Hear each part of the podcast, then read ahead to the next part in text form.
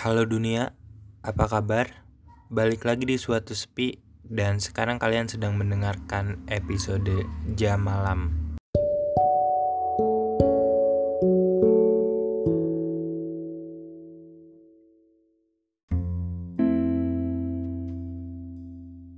Kenapa namanya Jam Malam? Sedikit informasi, saya menulis skrip ini jam 1 malam dan mungkin itu jam-jamnya manusia overthinking. kalian tahu emosi dan pikiran kalian pada jam satu malam di kamarmu. Ketika keduanya sedang kencang dan kadang menyesatkan hingga tersesat pada kesedihan yang mendalam. Kemarahan yang buas.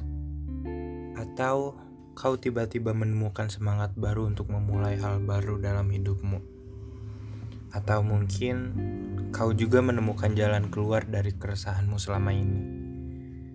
Tapi semua dorongan itu sering hilang saat kita terbangun di pagi hari. Beberapa emosi dan pikiran itu kadang tiba-tiba datang secara acak. Seperti rasa lelah karena semua perjuangan yang entah kapan akan selesai. Yang membuat kalian ingin menangis tiba-tiba tanpa kalian tahu sebabnya. Kalian hanya lelah dan ingin menangis. Mengulang terus pertanyaan rasa bersalah. Apakah aku sudah mengatakan hal yang benar pada temanku, pada kekasihku, pada keluargaku? Rasa kurang yang mengakibatkanmu tak pernah bisa puas atas apa yang kau sudah usahakan.